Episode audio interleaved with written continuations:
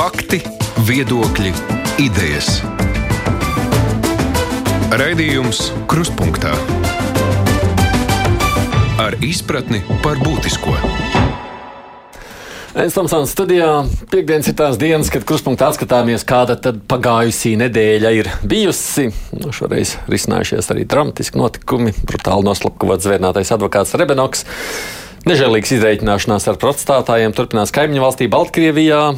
Sastrauc arī sas, pieaugušā saslimstība ar covid, vai mums ir jārēķinās ar kādiem jauniem ierobežojumiem. Es labprāt veltīšu laiku arī krietni piezemētākiem tematiem. Ar interesi sekoju līdz tām diskusijām sociālos tīklos, vai ir labi, ja mamma ņem uz darbu līdzi savu mazuli manuprāt, tāda negaidīta strīda izvērsušies par šo tēmu. Gatavu šodien komentēt notikumus ir četri mani kolēģi. Janita Laipni ir piekritusi daugšte no TV24. Tagad atnāk šeit uz studijas. Sveiki! Pārējos gan mēs tikai televizorā skatīsimies šobrīd. Trīs kolēģi skatās mums attālināti. Tas ir Ivo Batkevičs, TV3 ziņas. Sveiks, Ivo! Sveiks! Aivars Ozoliņš komentē žurnālā Irs. Sveiks, Aivar! Labdien! Un Mārcis Antonevičs savukārt strādā Latvijas avīzē. Sveiks, Māri! Sveiki. Droši vien, ka jāsaka to šīs nedēļas skaļāko ziņu par nogalināto advokātu. Un par to, kādas secinājumus jūs no tā izdarāt. Nē, sāksim droši vien ar tevi vispirms. Tu... Jā, nu tas uh, nenoliedzami ir uh, ļoti, ļoti traģisks, uh, traģisks gadījums. Un, uh, Nu, patiesībā tur ir vairāk secinājumu. Šobrīd centrālais, centrālais elements ir bezmazliet tāds ticības elements, ko mēs uzskatīsim par galveno versiju advokāta noslapkošanai. Kamēr mēs netiekam pāri šim te noteikumam, mums katram ir savs viedoklis par to, kas tad ir, kas tad ir galvenā, galvenā versija. Galvenā versija ir nu, laupīšana. Kamēr nenoķers tos, tā, tā versija visu laiku būs divi varianti, ne? Nu, varianti, manuprāt, ir, ir trīs. Aha. Trīs, respektīvi, viens ir vienkārši brutāla, brutāla laupīšana nu, ar, slā, ar slepkavību, otrs variants ir politisks pasūtījums, jā. un viens ir ekonomisks pasūtījums, kas ir saistīts ar viņa, Labi, jā. viņa konkrētajām lietām. Labi, ir skaidrs, ka policija izmeklē, es pieļauju visas, visas šīs versijas, turklāt pat, ja iekšliet ministrs ir sākotnēji izteicies, ka galvenā ir šī laupīšanas versija, tad, piemēram, nesen notikusī kratīšana Rebenoku birojā liecina, ka a, policija izvērtē arī, arī visus citus variantus. Uh, ja uh, pirmā versija, par kuru runāja Sāns Girģents, ir uh, īstā versija, es domāju, ka policijas, nu, patiesībā policija tad ir uzlikusi savu ļoti. Teiksim, tā, pietiekoši, pietiekoši augstu latiņu, tajā ziņā, ka viņiem pilnīgi noteikti būtu jānoķer jā. šie te. Jā, laupītāji vieglāk noķert nekā pasūtījums. Jā, protams. protams. Un līdz ar, līdz ar to es, es, es domāju, ka šim būtu iespējams jābūt tam gadījumam, ka ja ne, nesakos nekādas tam līdzīgas darbības, um, tad tam, tam tomēr būtu jābūt zināmām sakām arī attiecībā uz kādām policijas struktūru, attiecībā uz policijas struktūru vadību. Ja mums, piemēram, ir bijušas visas šīs skaļās slepkavības, bet bet viss tā, nu, nu paraustīja plecus, jā, nu, nu, nu neatklāja, neatklāja. Nu, ko, tad, nu, nu, ko tad tagad? Vai tad mums kāds policists būtu, piemēram, vai zaudējis, zaudējis amatu šī iemesla dēļ? Nu, nekad tas nav, nekad tas nav noticis.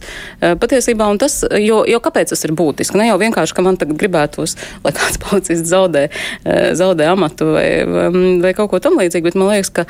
Mm, nozieguma atklāšana taču absolūti var vairot sabiedrības uzticamību.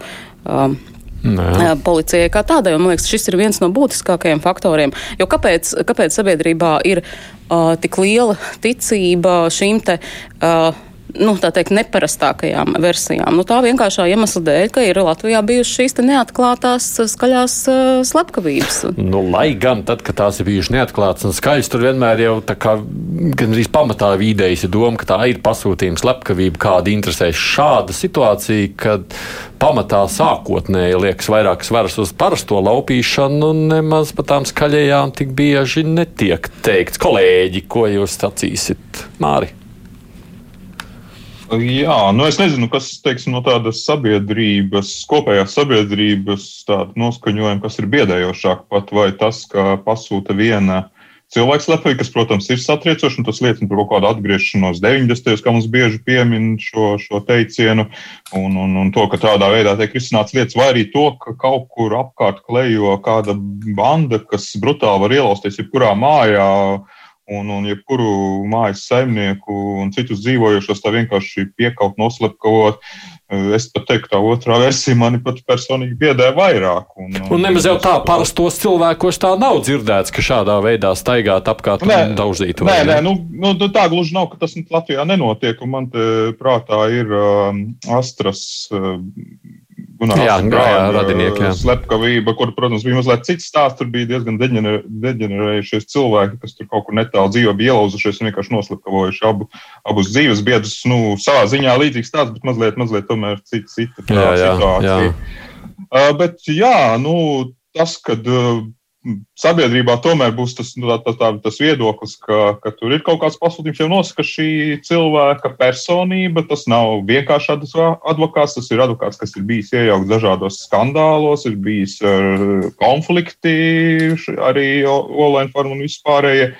Un, un, un tas rada lielas aizdomas, un policijai jābūt ļoti drosmīgai, lai šo versiju nu, tā nopietni neizskatītu. Uh, Tas, ka kaut kādas pazīmes ārējas liecina, nu jā, ir arī variants, kā teiksim, imitēt nolaupīšanu. Tas ir jāpaturprāt. Protams, jā, nu, no otras puses, nu, droši vien nav bijuši pēdējā laikā tādas pasūtījumas, slepkavības ar dēli nosist, vai ne? Tās ir tādas, oi, nezinu, briesmīgas, aivar.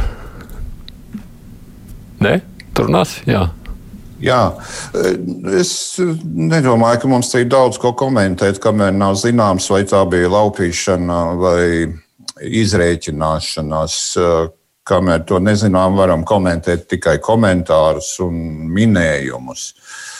Tie ir divi tik ļoti atšķirīgi stāsti, ka nu, pašlaik grūti par kaut ko spriest. Es, es vienīgi gribu gribētu pateikt, ka nu, par trešo versiju politisks pasūtījums, nu, piedodiet, nu, to ir izvirzījis tikai um, advokāts Krieķis un, un, un, un saistījis kaut ko tur ar Oiku. Tas, tas man šķiet absurdi. Bet citādi, nu, Es, es nekomentēšu. Es nezinu, ko, ko, nu, ko jā, te var komentēt. Es nezinu, kas ir noticis. No otras puses ir jau tā, redz, tā pirmā versija, tā, nu, tā vēsts, kas nāca svētdien, nu, redziet, baigi plātīsies sociālajos tīklos ar to, kas tev pieder. Oi, ar ko tas var beigties? Un tas arī, protams, skan diezgan dramatiski. Ivo. Jā, tur es varbūt nepiekrītu tādā izpratnē, ka nu, mums ir pilns ar nezinu, tā sauktiem influenceriem, tur uh, bezgala daudzos sociālajos tīklos, kas tur izrādās ar, uh, izrādās ar sazinu ko un visu pārējo.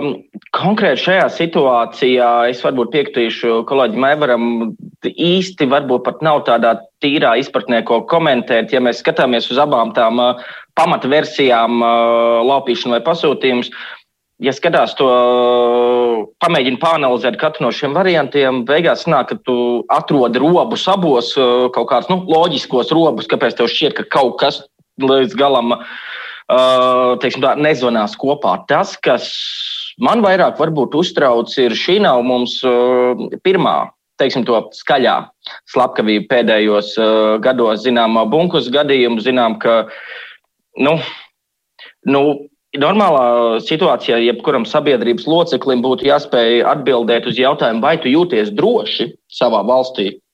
Būtu jāspēj atbildēt, jā, es jūtos droši, un nu, šis ir tāds uh, liels, nepatīkams jautājums un atklāsme, kur mums parādās tiešām šīs vairākas skaļās lapības, kas pēdējos trijos, četros gados ir bijušas. Nu, jāvēl uh, pietiekama apziņa, veiksma un viss pārējais policijai. Cerams, ka izmeklēs, jo tikai izmeklējot šādas uh, lietas, visticamākais uh, profilaktiski tādas citas varēs arī novērst. Nu, jā, jau sanāk, ka mums Latvijā parādās doma, ka biznesa lietas tagad var kārtot savus kaut kādus pretiniekus, novācot no ceļa. Tā nav nepavisam, nu, kā saka, iedrošināša doma skatoties tajā sabiedrībā, kādā mēs gribētu dzīvot. Krievijas skatāmies tādā situācijā parasti. Bet mēs jau nezinām, vai tas tā ir.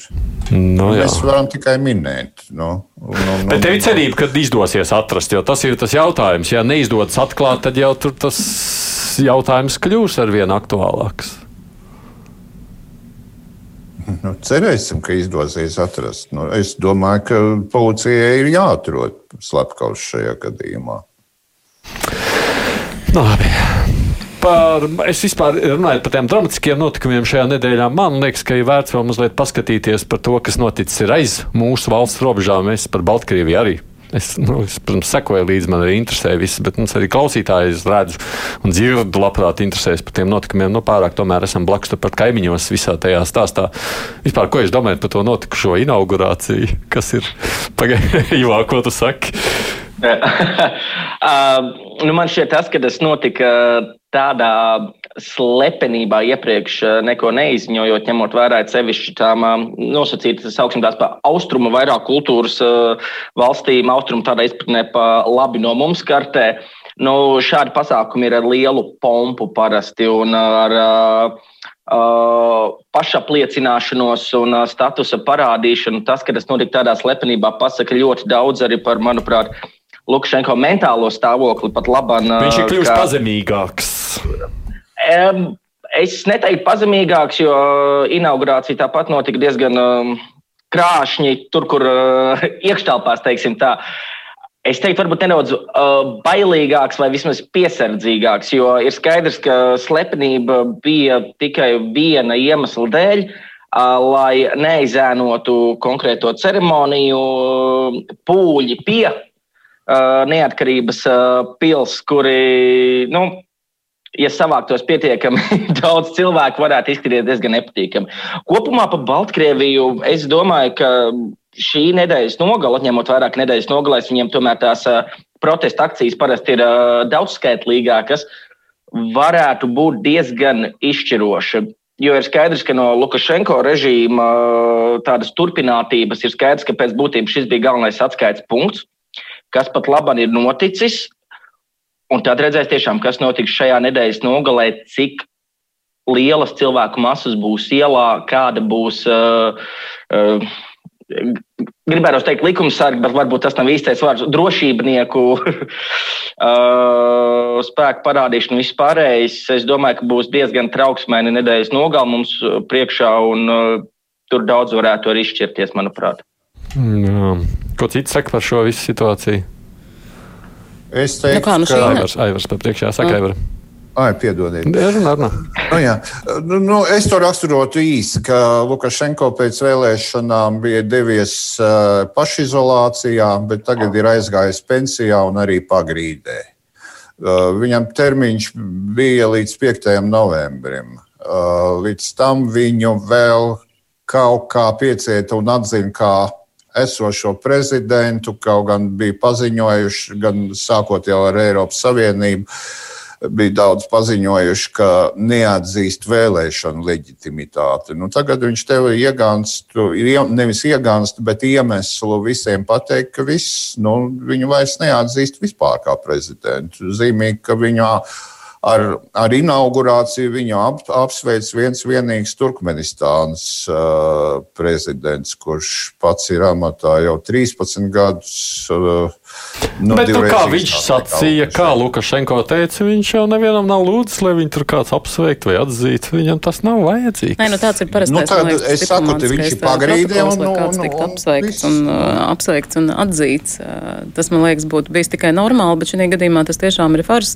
Un uh, tas apliecina to, ka, nu, faktiski Lukašenko uh, dienas tādā vai citā veidā ir skaitīts šajā prezidenta amatā, jo, uh, piemēram, tā pati it kā viņš, viņš nav vajadzīgs, pēc būtības viņš vēl skaidrāk parādīja situāciju, ka viņš nav vajadzīgs nevienam, ieskaitot arī, ieskaitot arī Krieviju. Jo Krievijas televīzijā, piemēram, atklāti ņirgājās par šo inertnes. Es neesmu redzējis. Jā, es vienkārši noskatījos, atklāti ņirgājās par šo. Oficiālajos Krievijas televīzijas kanālos? Uh, jā, nu, nu, teiksim, nu, nu, tas ne nebija. Kā dožģi. Nē, nē, nē, nē, nē. Tas jā. ir pirmā, pirmā, jā, pirmais, pirmais, pirmais Baltijas, jā, kanāls. pirmais Baltijas kanāls, Aha. kurā, kurā tas tika pateikts tādā ironiskā, ironiskā, ironiskā manierē. Tā kā es, es, es domāju, ka. Lukašenko ne, nevajadzība, viņš, tikai, viņš, viņš ir tikai nostiprinājis šo savu nevajadzību šajā amatā. Māri, ko tu saki? Es mazliet jau tas pesimisms ir lielāks nekā kolēģiem, kuri uzskata, ka Lukašenko drīz kaut kur pazudīs, jo jau pirms vēlēšanām tika teikts, ka Krievijai ir vajadzīgs Lukašenko, kurš ir vājš un savā ziņā arī smieklīgs mazliet, ar kuru var darīt, ko grib, un, un, un, un aiz viņa muguras īstenot, ko vien vēlas. Un faktiski tas ir noticis, un Krievijai šis scenārijs šobrīd ir ļoti izdevīgs, ja bija tāds plāns. Lukašenko taktika ir skaidra, un tur, tur ir, ka viņš vienkārši ignorēs visu, kas notiek apkārt, ko viņš redz, visu, kas ir no ārpuses, un viņš vienkārši bīdīsies uz priekšu, ko varēs tas savas varas uzturēšanai darīs. Un šajā gadījumā tā inaugurācijas dīvainā ceremonija arī bija tas viens no šiem soļiem, lai šo varu kaut kādā veidā saglabātu. Bet uh, jautājums ir, vai ir kaut kāds mehānisms, kā, kā viņu gāzt. Un pagaidām kaut kā neizskatās, un man arvien vairāk šī situācija sāk atgādināt tādu ieilgušo neskaidro situāciju, piemēram, Venecijā, kur arī prezidenta leģitimitāte ir apšaubīta, bet nu, divi gadi ir pagājuši kopš šīm vēlēšanām, un tāds neskaidrs stāvoklis saglabājas arī par otru prezidentu, kuru atzīst pārējā pasaule, otru valsts vadītāju, kuru atzīst pārējā pasaule, bet kurš arī neko savā valstī vairāk izdarīt nevar. To mēs arī redzam. Uh, Svetlana Čikanovska braukā apkārt. Uh, šajā nedēļā tikās ar Edgars Rinkēviču, devās uz Briseli. Nu, viņai pasaules, pasaule, viņu dzird un uzklausa, bet ko tas maina Baltkrievijas iekšienē? Pagaidām īsti neko izņemot to, ka tur tie, tas, pas, tas pašs spēku samērs turpina sacensties. Ja Krievija izlemj mainīt taktiku un ka Lukašenko nav vajadzīgs tiešām un kaut kas cits, tad jā, tad tur izmaiņas notiks. Bet vai mums tas patiks, es to šaubos. Jā, Ivo, tu tur gribi teikt, ko? Jā, es gribēju Mārim īstenībā piekrist. Mani, ar, mani arī nevalda gluži tāda pārliecība, ka Lukašenko dienas varētu būt skaitīts, jo gluži vienkārši nav skaidrības, kas ir tie konkrētie rīki vai procedūras, kā varētu viņu no amata pat labāk gāzt. Nu, būs vēl uh, masu protesti, iespējams, daudzskaitlīgākie kādi bijuši. Nu, skanēs uh, cīniski, bet nu, drošībnieki sasitīs cilvēkus. Uh, un ko dara pārējā pasaule šajā situācijā? Militāri neviens neiejauksies. Sankcijām ir jābūt, ar sankcijām jābūt ļoti uzmanīgām, lai sankcijas tomēr tiktu vērstas pret amatpersonām, nevis pret Baltkrievu tautu, kas būtu striktas ekonomiskas sankcijas, piemēram, pret valsti. Man īsti nav pārliecības, ko šajā situācijā var darīt vienā diktatoriskā valstī. Mm. Nu, es, jā, es, es, gribētu, es jau gribētu piebilst, ka nu, uh, viņš var tiešām palikt pie varas tikai ar militāru diktatūru, bet mehānisms vispār jau bija zināms, kā tāda diktatūra krīt. Tad, kad viņam vairs nav naudas, ko samaksāt saviem drošībniekiem un tiem omoniešiem, kur to diktatūru, īst, diktatūru īsteno, tad viņa dienas arī beidzās Baltkrievija nav Venecijā, kurai ir nauda, kurai nafta, pa kuru vienmēr pelnīt naudu. Viņu nafta nākus no Krievijas. Viņi to pārstrādā un dārgāk pārdot uz Eiropu. Eh, kamēr, kamēr Krievija būs mieru maksāt par to, ka Lukašenko apspiež savu tautu, tikmēr viņš paliks tur. Man neizskatās, ka Putinam būtu ļoti interesanti turpināt gadu gadiem maksāt par to, lai blakus ir viens smieklīgs un brutāls un nežēlīgs režīms. Eh, nedomāju, ka tur būs jāgaida gadu gadiem. Anita arī māja ar galvu. Jā, es, es gribu piekrist, piekrist Aivaram tajā jautājumā, ka diez vai Krievija būs ar mieru ilgstoši apmaksāt uh, Lukašenko atrašanos šajā amatā, jo viņš lielā mērā, un to saprot arī Krievijā un visā pasaulē, ka viņš lielā mērā ir zaudējis leģitimitāti pats savas tautas uh, acīs ar, ar tām darbībām, ar kurām viņš ir mēģinājis noturēties, noturēties pie varas. Jā, Krievija neapšaubām ir ieinteresēta vājā Baltkrievijas prezidentā, lai varētu turpināt, bet es domāju, ka šis vājais prezidents, kurā ir ieinteresēta Krievija, nav vairs Lukašenko. Nu, man gan Zigors saka, vai jums nav ziņa, man liekas, ka tie zaļie spēki struktūra puiši, kas tur sit tos Baltkrievus, jau ir ievest no Krievijas. Nu, tur viens taču iebrauc dažs kolons. Nu, tur ir bijuši pašā Baltkrievijā versijas, kas tur ir tie nezināmie, nevienu neatpazītie nu, drošībnieki. Nu, tagad jau mākslīgais intelekts viņus atmasko. Nu, tos melnos tur ir atmaskojuši, bet tur ir kaut kas tādiem, kas ir zaļi vēl. Jā. Jā, nē, jautājums tiešām ir par to, kur es tiešām piekrītu kolēģiem, cik ilgi Putins šādu situāciju vēlēsies, bet mēs jau redzam, ka, piemēram, uz Baltkrievijas valsts mēdījiem dodas žurnālisti no Krievijas, kas bija nu, gan pirms dažām nedēļām jau, bet nu, ir skaidrs, ka nu, pat labam vismaz izskatās, ka Kremlis nav lielā izmisumā par konkrēto situāciju, kas ir Baltkrievijā. Nu, te jau versijas vēl ir tādas, ka droši vien tiek gatavots kaut kāds tā, lai nebūtu, ka izskatās, ka būtu revolūcijas laikā nocelts, bet nu, arī gari nevilks. Nu, kaut kāds pārējais posms, lai varētu to Lukašenko ar laiku savākt. Pirms, vēl pirms, pirms kāda laika bija tā versija, kad bija jautājums, kā Putinam noturēties pie varas, tad bija versija par to, ka veido to vienoto valsti ar Baltkrieviju. Un, un, un Lukašenko tieši ļoti bija tas, kas pretojās un teica, ka viņš ir tas suverenitātes garants un, un redz, viņš neļaus tādu un nav gatavi. Uh, iespējams, ka šobrīd jau viņš būtu gatavs. Un tad jau kaut kā noformēts tiek juridiski šis akts, un tad jau Lukašenko var arī laist projām un, un, un likt, ko tur, ko tur vietā. Problēma jau, problēma jau vairs nav Lukašenko, un problēma nekad nav bijis Lukašenko. Viņš jau, protams, tur varēja fleitēt un manevrēt un koķetēt ar, Eiropu, ar Eiropas Savienību par to, ka viņš ir tas uh, suverenitātes garants, bet pašlaik jau problēma ir Baltkrievijas tauta. Nu, tā ir atmoda. Mēs atceramies kā mums gāja atmodā. Vai bija iespējams ar Rubiku vai kurš tur bija pie varas, tur tobrīd ar komunistisko partiju Maskavai vienoties teorētiski par to, ka, nu, kāda būs Latvija. Nē, nu, Viņi mēģinās pievienot, ja Putins tagad mēģinās eh, Baltkrieviju pievienot Krievijai, viņš dabūs to pašu problēmu, kas ir Lukašenko. Baltkrievu tautu, kuru es negribu. Ne viņu, ne viņi gribēs arī būt eh, daļa no Krievijas. Tas process ir aizgājis. Tas, tas vairs nav jautājums tikai par atsevišķiem politiķiem. Tas process ir aizgājis apmēram nu, tā, kā mums, nu, Baltkrieviem beidzot ir sava pirmā atmoda. Nu, mums jārēķinās ar to, ka šādiem procesiem ir sava loģika. Kas notiks tālāk? Tas jau ir jautājums. Anita netieši skāra ļoti svarīgu jautājumu par to, kuru tad ievēlēs, ja, piemēram, Krievija izdomās, ka Lukašenko vairs nevajag rīkojumu vēlēšanas, lai tur notiek vēlēšanas un mēģinās, protams, dabūt savu cilvēku. Baltkrievu problēma būs viņa konstitūcija pašlaik, kura milzīgs pilnvars piešķir uh, prezidentam, un kurš tur uh, būs tajā vietā, nu, to mēs nevaram prognozēt. Bet mēs runājam pašlaik par Lukašenko likteni, un, un tur, manuprāt, nu, tur ir tikai laika jautājums, ka viņš būs prom, un pievienošana um, Krievijai tā būs, tā būs problēma nevis Lukašenko, bet Putinam jau. Un arī kaut kurā pirkstā gribi. Nu, nebūs tik vienkārši. Nu, labi, Aivārs ir ar pieredzi no mūsu laikiem, kā tas ir bijis, kad Padomju Savienība bruka. Tā, kā, tā jau arī bija tas tautas atmodas laiks. Atgādini šeit Ani Daugšti, tepat līdzās Ivo Butkevičs, Evers Ozoliņš, Mārs Antonevičs, katrs no savas puses pieslēgušies mūsu diskusijai runājot par nedēļas aktualitātēm. Raidījums Krustpunktā. Ja jums citiem tematiem man gan klausītājs šo to komentē, bet nu, nevaram sēdēt tikai uz Baltkrieviju. Viena Latvijā pieaug saslimstība ar covid. Bet ekonomikas ministrija rosina atcelt pašizolāciju un to aizstāt ar testēšanos.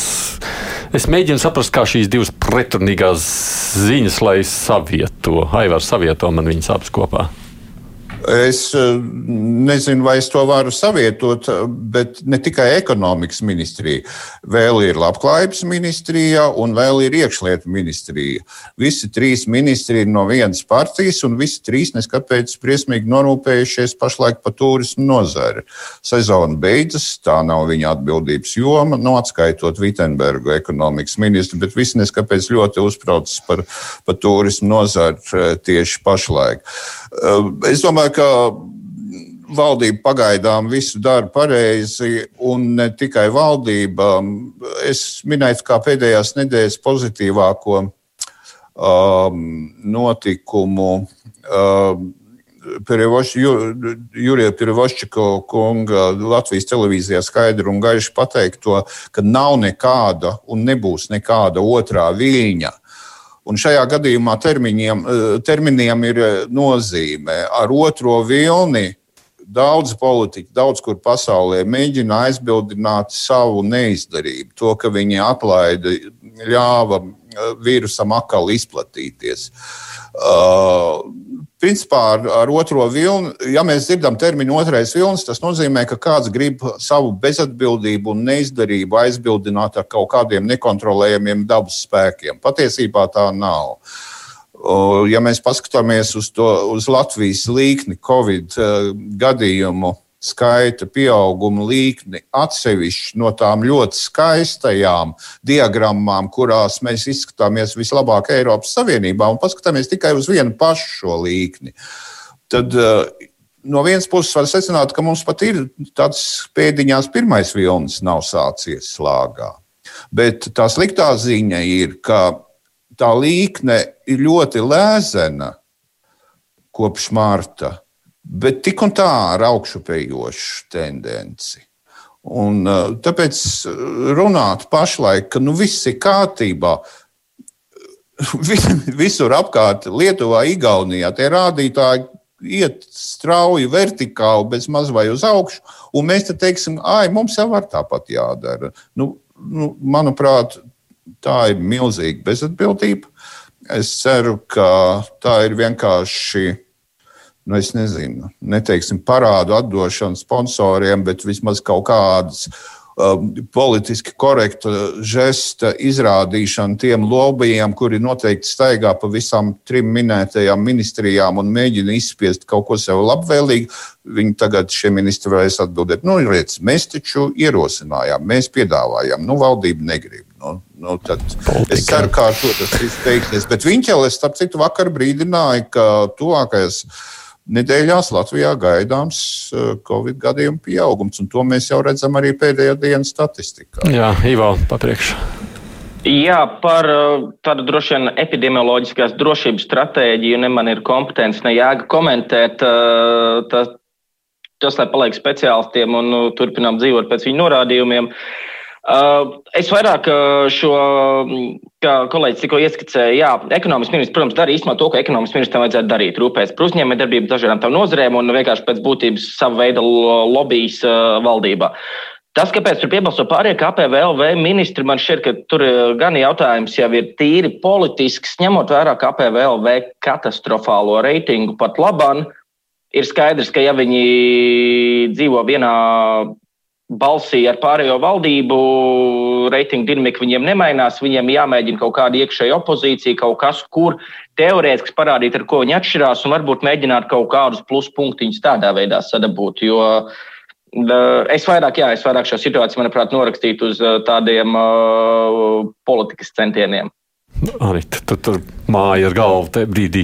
Uh, nu, es, māju, es māju ar galvu tajā brīdī, tāpēc, ka, manuprāt, šis jautājums nav skat, skatāms uh, tādā uh, iekšpolitisko peripētiju līmenī. Uh, manuprāt, um, situācija ar, ar Covid-19 izplatību ir jāskata krietni plašākā kontekstā. Uh, proti tādā kontekstā, vai tās metodes, uh, kuras tika ieviestas no paša sākuma un kuru uh, ieviešana un, un, un teiksim, palaišana brīvāk, cik viņas ir bijušas efektīvas un kā kā tieši tas strādā kopā, kopā Eiropā. Es piekrītu tam uh, Eiropas parlamentā lēmumam, um, ka būtu jābūt kaut kādiem vienotiem Eiropas kritērijiem, uh, arī samērojamiem ar, um, ar demokrātijas uh, tradīcijām un, uh, un elementāriem uh, principiem uh, vienotiem visā jābūt vienotiem visā Eiropā. Un kas attiecās uz šo saslimstības pieaugumu vai nepieaugumu. Patiesībā mums līdz galam, es ceru, ka šie dāsnie zinātniskie pētījumi, kas tika finansēti, mums parādīs šo Latvijas fenomenu īpatnību, kāpēc, kāpēc tas pie mums ir noticis tieši tā. Jo, piemēram, šis pieaugums saslimstībai ar Covid-19 notiek arī valstīs, kurās joprojām ir ļoti strikti ierobežojumi. Un tas mums nedod nekādu pārliecību, ka šie ierobežojumi tiešām, tiešām strādā veidā, kādā viņiem būtu jāstrādā. Domāju, mēs esam ģenētiski kaut kādi īpatni. Nē, es vispār negribu izdarīt kaut kādus secinājumus, bet, es, bet es zinu, ka ir eh, virkne, vismaz, vismaz pieci ļoti vērienīgi augsta līmeņa zinātniskie pētījumi, kuri rezultātiem, es domāju, drīz būtu jābūt. Un tak 5 miljonus valdība bija uh, tam veltījusi, un es domāju, ka tas mums palīdzēs arī uh, sniegt nu, kaut, kādas, kaut kādas vispārējas rekomendācijas, bet tomēr es vēlreiz uzsveru to, ko es teicu sākumā, ka ir jābūt vienotiem kritērijiem, kādā veidā Eiropas Savienība uh, cīnās uh, ar šiem te mm, Covid. Bet, ja mums būs vienot kritēriju, tad Spānija vai Lielbritānija Nē, bet es šeit nerunāju ne, ne, par, vien, par, vienot, ne, par vienotiem kritērijiem. Es runāju tādā aspektā, nevis tur eh, tīri cipariņi 50 uz 100 tūkstošiem vai, vai 200 uz 100 tūkstošiem. Jā, es ne, ne to domāju. Principā tās metodas, eh, visi šie ierobežojumi, es vēlreiz saku, kāda, kāpēc? Nu labi, mums pieņemsim ir kaut kāds salīdzinoši viegls režīms. Mums, visu laiku bijis viņš viegls. Jā, mums ir visu laiku bijis, jā, un mums šī saslimstība neaug. Ir, piemēram, valsts, kur ir bijis pilnīgs karantīns, vispār no mājas nedrīkst iziet režīms, un viņiem aug tādā progresijā, ka traks var palikt uz augšu. Viņi neko nav atvieglinājuši. Un kas? Un kāpēc tad... viņi atvieglināja? Viņi nu, varbūt... atvieglināja, nu cik atvieglināja? Nu, diezgan tāda spānija, kur nelaid ārā, beig beigās jau tur viss sēdēja tie pludmalē, nebija nekāda problēma nu, ar laiku. Nemaz, nu, ļoti daudzas, jā, ļoti daudzas valsts, bet, bet, bet teiksim, labi, nu, piemēram, kāpēc pašizolācijas laiks Beļģijā ir, ir septiņas dienas, Latvijā desmit? Nu, kāpēc? Nu, kas tur citi epidemiologi strādā vai kas tur ir paliet? Es īsti nesaprotu. Man, man piemēram, šie kriteriji nav. Jā, un Igaunijā nevajag. Igaunijā ievies to variantu, ko mūsu ekonomikas ministrs saka, testēšana lidostā vajadzības gadījumā. Nu, lūk, mēs tur diskutējam, vajag vai nevajag. Nu, labi, Māri, ko tu saki? Uh, jā, es esmu tā ievērojis, ka ne tikai par Voščiko kungam, bet vispār arī citu valstu speciālistiem nepatīk šis termins otrais vilnis. Es pat vienā intervijā dzirdēju, kad žurnālists sāk lietot otrais vilnis, otrais vilnis, tad viens, viens ārsts viņam pretī bija teicis, nu, beidziet šos marinistu terminus izmantot, un, un jo viņiem pavisam citi punkti, un viņi tiešām neuzskata, ka jāgaida kaut kāds otrais vilnis. Vienlaikus arī viņi atzīst, ka ir kaut kāda, kaut kādi, nu, pazīmes, kas liecina, ka būs šis pieaugums. Pirmkārt, tas ir gada laiku maiņa, un daudz arī atzīmē, ka Eh, piemēram, lielāks uzplaiksnījums bija, kad mums bija vasara, tas bija tieši dienvidu puslodē, kur bija ziema, un tātad arī mums, jebkurā gadījumā, visticamāk jārēķinās, ka iestājoties nu, tādam īstam rudenim, jo šobrīd ārā vēl tādu īstu rudeni nevar teikt, ka viņš būtu, un, un, un ziemai, tad, tad mums arī jārēķinās, ka arī mūsu platuma grādos tā saslimšana pieaugs. Bet tas, ko dara Latvijas atsevišķi ministri un, un, un arī politiķi, un vispār kas, tā, tas noskaņojums, kas, kas sāk valdīt, ka, ka, ka nu, tik stingri nevajag, tas, es domāju, nav nekas unikāls ja paskatās uz visu Eiropas situāciju ar pašreizējiem skaitļiem, eh, martā viss būtu bijis ciet, mums būtu tādi, tādi stingrie režīmi, bet šobrīd mēs viņus neredzam. Tātad, acīm redzot, arī tur ir kaut kādā lobby, sabiedrības noskaņojuma līmenī ir tā situācija, ka vairs nevar tik stingri rīkoties, lai arī varbūt no veselības un, un, un vīrusu izplatības viedokļa šie stingrie mēri atkal būtu jāsāk ieviest. No arī Latvijā, acīm redzot, ir šis uh, pieprasījums un, un, un, un attiecīgi no atsevišķām nozarēm, un, un varbūt pagaidām tikai dažas ir skaļāk runātās, turisma nozara, bet arī noteikti citas sākt runāt, ja būtu kaut kas. Tā kā ar to ir jārēķinās, un es nezinu, vai mēs varēsim īstenot kaut kādu atrautu politiku no citām valstīm, ja mums visi apkārt, visas Eiropas Savienības valstis pieņems kaut ko maigu, un mēs atkal mēģināsim turēties pie kaut kā stingra. Nu, visticamāk, tad mēs zaudēsim konkurētspējā. Un, un, un, un arī citādi kļūsim atstumtāki. Nu, tā stingrība, laikam, pamatā jau šobrīd Latvijā izpaužas tikai un vienīgi ceļošanas ierobežojuma ziņā. Jā. Es nezinu, vai kaut kā citādi jau. Mēs, man liekas, vispār citādi neesam neko ļoti daudz jutuši. Nu, ir atšķirība attiecībā uz, uz, uz, uz kultūras nozari, tomēr, tomēr ir. Bet, bet tas galvenais princips ir tāds, es, es nezinu, kā. Um, nu, ir iespējams pieņemt dažādas valdības lēmumus, bet ar valdības lēmumu tu vari uh, izmainīt uh, cilvēka dabu un cilvēka uh, psiholoģiju. Es, es tiešām nezinu, jo, jo man liekas, tas veselā saprāta m, mm, diktētais nosacījums ir tas, ka tu ierobežo slimus, nevis vesels cilvēkus. Un jebkurš vesels cilvēks, uh, nu, viņš vienkārši viņš, viņš nevarēs. Nu, pat ja viņam tur es nezinu, cik viņš nebūtu saprātīgs vai vēl tur nezinu kāds, viņš vienkārši nespēja sevi pārvarēt. Nu, viņš nespēja sevi pārvarēt. Turklāt ļoti daudz, kuram no šīs mobilitātes ir atkarīga arī viņa vienkārši elementāra izdzīvošana, protams, ka viņš cīnīsies pretim līdz pēdējiem. Mārcis raksta no Vīnes. Viņš saka, tur visu laiku, esot, viņš saka, te visu laiku ir striktāk noteikumi bijuši nekā Latvijā. Bet kāpēc mums te ir tik daudz gadījumu un jums tur nav? Man nav skaidrs. Nu, tieši tā, tas ir tas, ko es teicu. nu, jā. Jebkurā gadījumā, vai tur būs tikrā, striktāk nosacījumi, tas arī vēl jautājums. Iespējams, jo ka kaut kādā brīdī tomēr diskusija par to varētu Latvijā arī atgriezties. Es pirms par kādu politisku lietu mazliet tādu vienkāršāku. Jā, par to cilvēcisko. Es gribu jautāt, ko jūs domājat par notikušo Aleksandru, jā, par tiem cepšanos, par to vairāk dienu garumā, par to foto, kas parādījās no Rīgas domas, kur redzam vienu mūsu Rīgas domas deputātu ar mazolu darbā. Uh, es nezinu, negaidīt diskusiju, vai ne? Ir labi, ka bērns darbā, vai nav labi? Man pašai diskusija mazliet izbrīnīja. Ko jūs par to sakāt? Vīrieši sāk runāt, Ivo. Nē, es īstenībā man šķiet, tas vārds, ko tu izmantoji, cepšanās, ir ļoti pareizs. Es īsti nesapratu, par ko tur vispār ir saruna. Aizgāja no vienām galējībām, ka nu, nekādu, nekādā gadījumā, un tad, ah, ne, tad visi ņems un, nezinu, tur pampers mainīs uz galdu un vēl nesko. Es īsti nesaprotu, par ko tur ir stāsts. Tu arī kā vīrietis neko nesaproti, jā?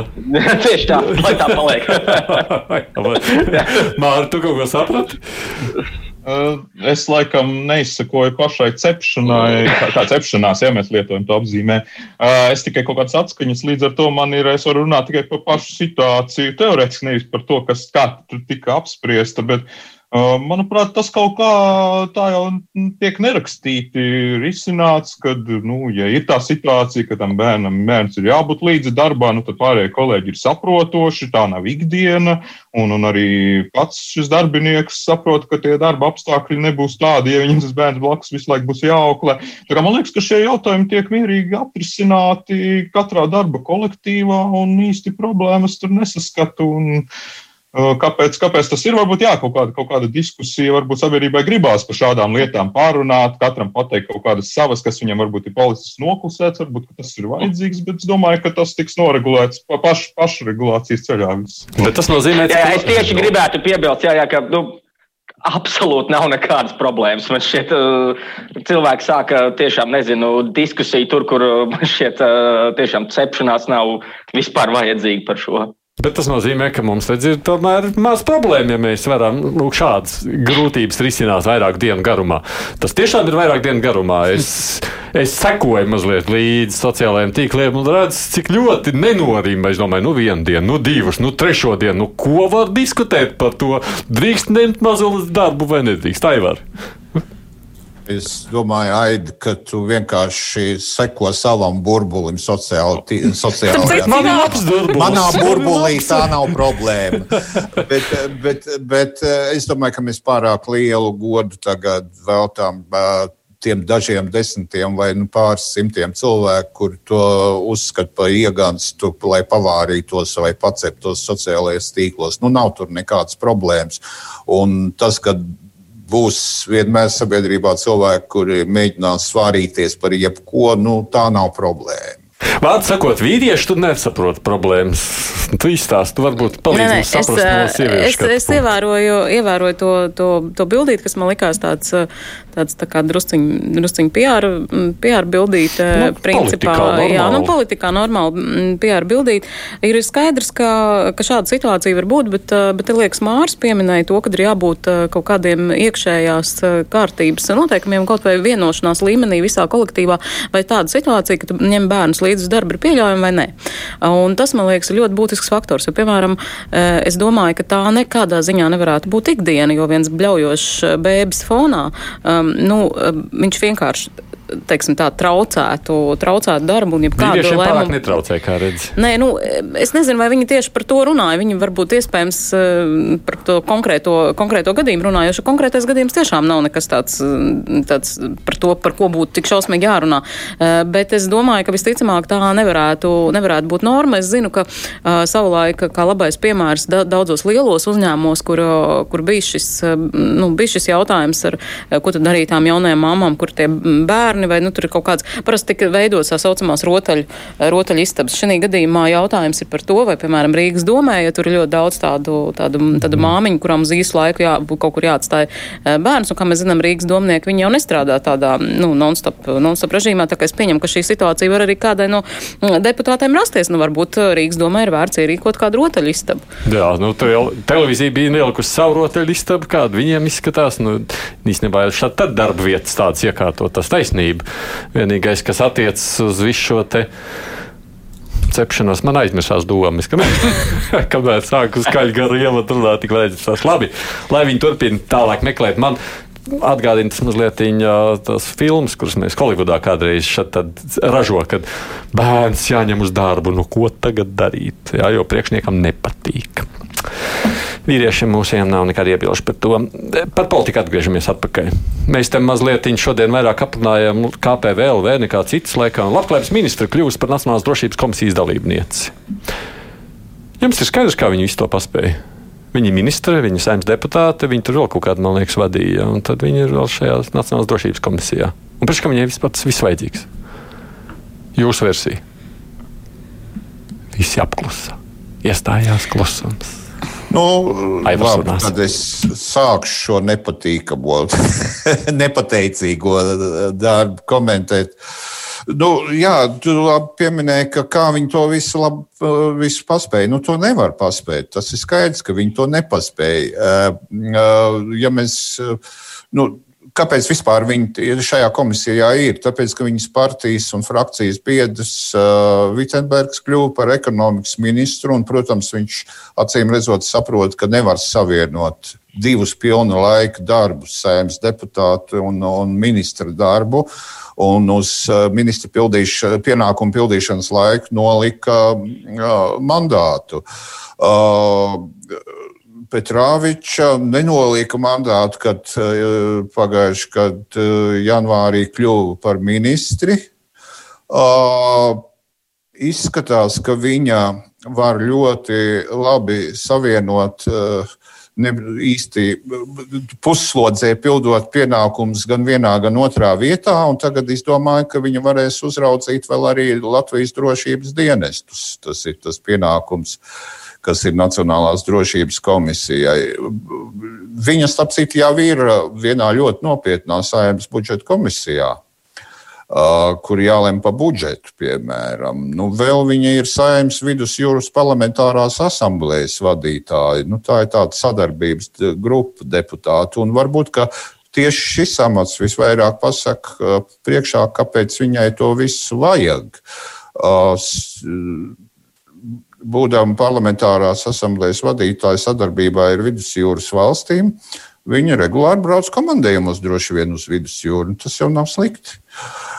Bet vai to var savienot visu ar ministra amatu? Es domāju, ka nevar. Diemžēl tā ir uh, frakcija, kur neko nevar iebilst ministrei, kurai jo mazāk deputātu frakcijā, ja kā mēs atceramies no 16, tur tagad ir sarukus frakcija līdz 10, jo mazāk tur deputātu, jo, jo, jo lielāka ietekme tiem cilvēkiem, kuriem ir kaut kāda ietekme un vara, un ministriem, protams, ir.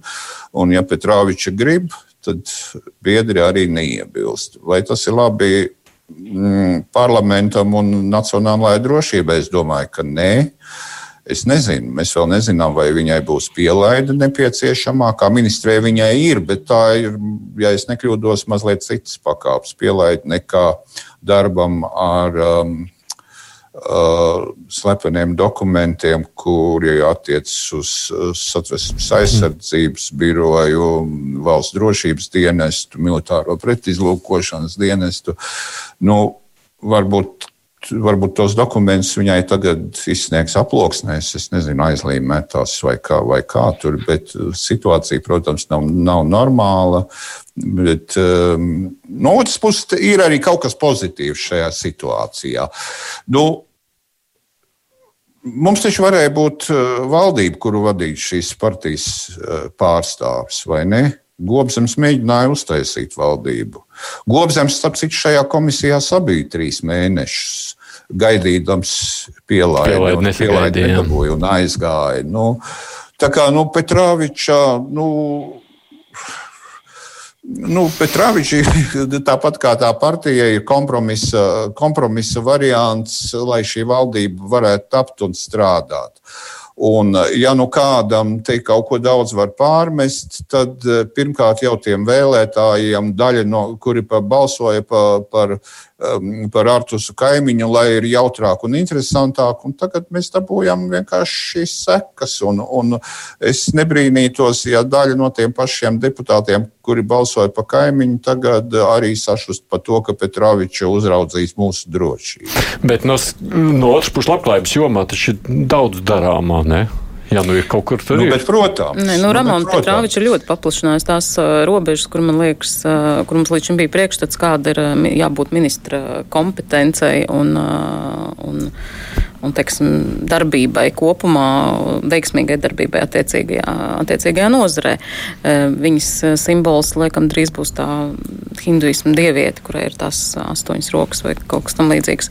Um, nu, labi, bet bez, bez, bez ironijas runājot, es domāju, ka. Um, Šī gadījumā nav mums jārunā vispār par uh, Ramonu Petrāviču, bet par uh, viņa nevar vienkārši aiziet un iesēsties kādā komisijā, ministra samatā vai tam līdzīgi. Ir tie, kas viņu tur attiecīgi uh, ievēl vai pieļauj. Jā, ar deputātu jā. balsojumu. Jā. Es domāju, ka Kariņu valdība nebūtu kritusi arī pie situācijas, ja Ramona Petrāviča nedarbotos Saimnes Nacionālās drošības komisijā, bet acīm redzot, ir, ir nolēmts iet kaut kādus vieglākos, vieglākos ceļus un, un, un, un, un nesakot, nesakot šiem principiem arī, arī ļoti daudzos citos gadījumos, kas attiecās uz dažādu iecelšanu vai palikšanu amatos saimnes komisijās. Tev pietrūkst šo te principu no valdošās koalīcijas? Jā, man pietrūkst šo principu. Kolēģi, pārējie? Māri? E, nu, Nē, labi. Nē, nē, es tikai kolēģi jau visu šķiet diezgan uh, pareizi un jēgpilni ieskicēju. Visu, ko gribēju pateikt, nu, visu cieņu labklājības ministrijas ierēģiem un tam kopējam ministrijas aparātam, kurš, nu, acīm redzot, uh, velk un dabūs vilkt arī turpmāk daudz uh, darba, kamēr uh, ministri paralēli pildīs arī citus pienākumus. Nu, jā, kādam taču tas darbs ir jādara, Māri? Es arī īsi ne tik daudz par Petroviču, bet par situāciju. Jo ir tas teiciens, kas bieži tiek citēts, ka katra tauta dabū tādu valdību, kāda pelnījusi. Es nezinu, vai tas vienmēr tā var teikt, bet šajā gadījumā man liekas, ka jā, tā situācija ir. Tā ir mums maksa, ka mēs arī pietiekami nespējām Latvijas iedzīvotājs pārliecināt, ka nevajag uzķerties uz vieglu populismu. Un, nu, tā ir karma, kas mums četrus gadus ir jābauda ar visādiem šādiem dīvainiem lēmumiem, nesaprotamiem, dīvainiem cilvēkiem, dīvainos amatos. Un, un jācer, ka pēc četriem, ka tagad jau nākamās vēlēšanas jau tuvāk, tas vairs neatkārtosies. Ah, labi, vēl viens temats, ko mēs gribējām pārunāt. Mums ir vēl pāris, dažas, trīs, četras minūtes, ko runāt. Tas bija jautājums par Kalnēju, par kuru bija izvirzīts aizdomā ēna, ja, ka viņš tur ir izpaudis noslēpumu. Vakar mēs uzzinājām, ka krimināla lieta ir izbeigta, nu, ka, nu, ka viņš vispār netiek vainots tajā visā, bet nu, apsūdzēta ir viena konkrēta virsprokurore. Jums ir kāds komentārs par šo ziņu, kas vakar bija lasāma un uzzināma no prokuratūras puses? Jā, Acīm redzot, apsūdzības izvirza par pierādāmām lietām. Šī gadījumā mēs, protams, varam izdarīt kaut kādas secinājumus no tā, ka vispār ir bijusi šāda aizdomu ēna, kas pats par sevi nav patīkama un nekas nav patīkams attiecībā uz Kalmēra reputāciju, bet acīm redzot, nu, prokuratūrā. Uh, ir, ir tas, ko es teicu, nu, ka apsūdzības vai mm, tomēr ir skatoties, vai ir pies, iespējams pierādīt, vai, vai nav iespējams pierādīt. Nu, pat tur laikam nav stāsts par pierādījumu. Šajā reizē bija stāsts, ka viņš šo informāciju bija devis ziņu vairākiem virsprokuroriem. Jā, uz, laikam tas nav nekas nepareizs, ko secina. Viņam bija tiesības virsprokurors informēt, savukārt virsprokurori izrādījās. Mm Nu, tas, ir, tas ir jautājums par to, vai, vai, vai iestādes vadītājs pilnā mērā atbild, atbild ar, mhm. savu, ar, ar savu amatu par to, ko dara viņa padotie. Ko, viņa padotie. Mm. Dažādos, dažādos amatos un dažādos, dažādās vidēs ir dažādi viedokļi par to. Nu, jā, tā varētu būt drīzāk tāda, es nezinu, morāla atbildība. Nē, nē, nē, nē, piedodiet, te no, nav jā, tikai. Ja es drīkstu, jā, te nav runa tikai par morālo atbildību. Kalmējers izstāstīja savā pēdējā darba dienā vairākiem uh, virsprokuroriem vai dažiem virsprokuroriem par to, ka tiek gatavota konkrēta knaba operācija pret vienu korumpētu Jelgavas prokurori. Uh, Tālāk viena virsprokurore izstāstīja to tālāk par uh, savam dzīvesbiedram. Dzīvesbiedram, advokātam. Jā. Advokātam, mm -hmm. kurš savukārt to izstāstīja savai kolēģei, citai advokātei, kura bija šīs prokuroras uh, kur, pret kuru tika gatavota lieta advokāti, viņi to uzzināja. Tā prokurore uzreiz tur nākamajā dienā aizgāja, paņēma slimības lapu. Nu, principā, iespējams, ka Kalnmēs iespējams. Nu, prokuratūra laikam tā neuzskatīja, vai uzskatīja, ka tam nebija lielas sekas, bet iespējams, ka Kalnmēs izjaucis knābu operāciju pret vienu kukuļu ņemšanā aizdomās turēto uh, prokurori, tiesību sargājošo iestāžu darbinieci. Nu, un, un, un, uh, Es nezinu, to es to motivācijas daļu neesmu lasījis ģenerāla prokuratūrai. Viņi secināja, ka informācija, šī informācija bija neizpaužama, taču to, ka Kalnmējers to izpauda prokuroriem, kuriem tas nebija jāzina, nevar uzskatīt par um, kriminālu sodām vai par pārkāpumu vai mm. par nelikumu. Nu jā, tā, jā. Tas... Tālāk tā ķēde jau tur, tur izvirzītas būs apsūdzības diviem cilvēkiem. Tai, tai virsprokurorai, kuru to izstāstīja tālāk, un liekam arī viņas advokātam dzīvesbiedram. dzīvesbiedram. Mm -hmm. Pavisam īsi ir pāriem diviem komentēt, ko sacīt Ivo vai Māri. Esat gatavi ko sacīt par šo? Uh, nē, tieši tā, uh, Aivaram ir taisnība, ka viņš ļoti pareizi ieskaitīja. Šī informācija tika atzīta par neizpaužamu, bet uh, kaut kādā acīm redzot, izpratnē par efektu vai tālāk sakām tam, ka šī informācija tomēr tika izpausta. Acīm redzot, prokuratūras ieskatā nebija pietiekama, lai tiešām varētu arī konkrēti Kalmēru kungu apsūdzēt. Nu, kā ir tā, ir katrā ziņā. kā ir tā ir. Jā. Paldies! Es domāju, ar to arī beidzam šīs dienas raidījumu visiem četriem, kas bijāt šeit atnākuši virtuāli vai nevirtuāli. Jo Butkeviča TV3 ziņas, Aivars Ozoliņš žurnāls ir. Nārs Antonevičs Latvijas avīze, Nani Daugšta TV24. Paldies jums! Par iesaistīšanos pirmdien kruspunktā kolēģei Mārai Jansonai lielā intervija būs ar saimnes deputātu Ines Lībiņu Egneri. Tur par likuma kvalitāti un tam līdzīgām lietām. Viņi ir nu, minēti kā viena no iespējamām pretendentēm, ka varētu arī doties satversmes tiesas, bet nu, tas, protams, vēl tālāk nav zināms. Jebkurā gadījumā Māra ar sarunu vadīs. Es gribu atgādināt, ka šis raidījums ir arī dzirdams atkārtojumā, redzams televīzijā. Un, nu, mēs tas piedāvājam, vajadzētu arī pareklamēt podkāstus, kas latviešu nesot labi aplādi, latviešu jāsaka, sot, kur mūs noteikti var klausīties, jebkur raidījumu tajā brīdī, kad ir ērti un izdevīgi. Tā kā izmantojiet tādu iespēju, kādā no savām platformām izdariet arī to.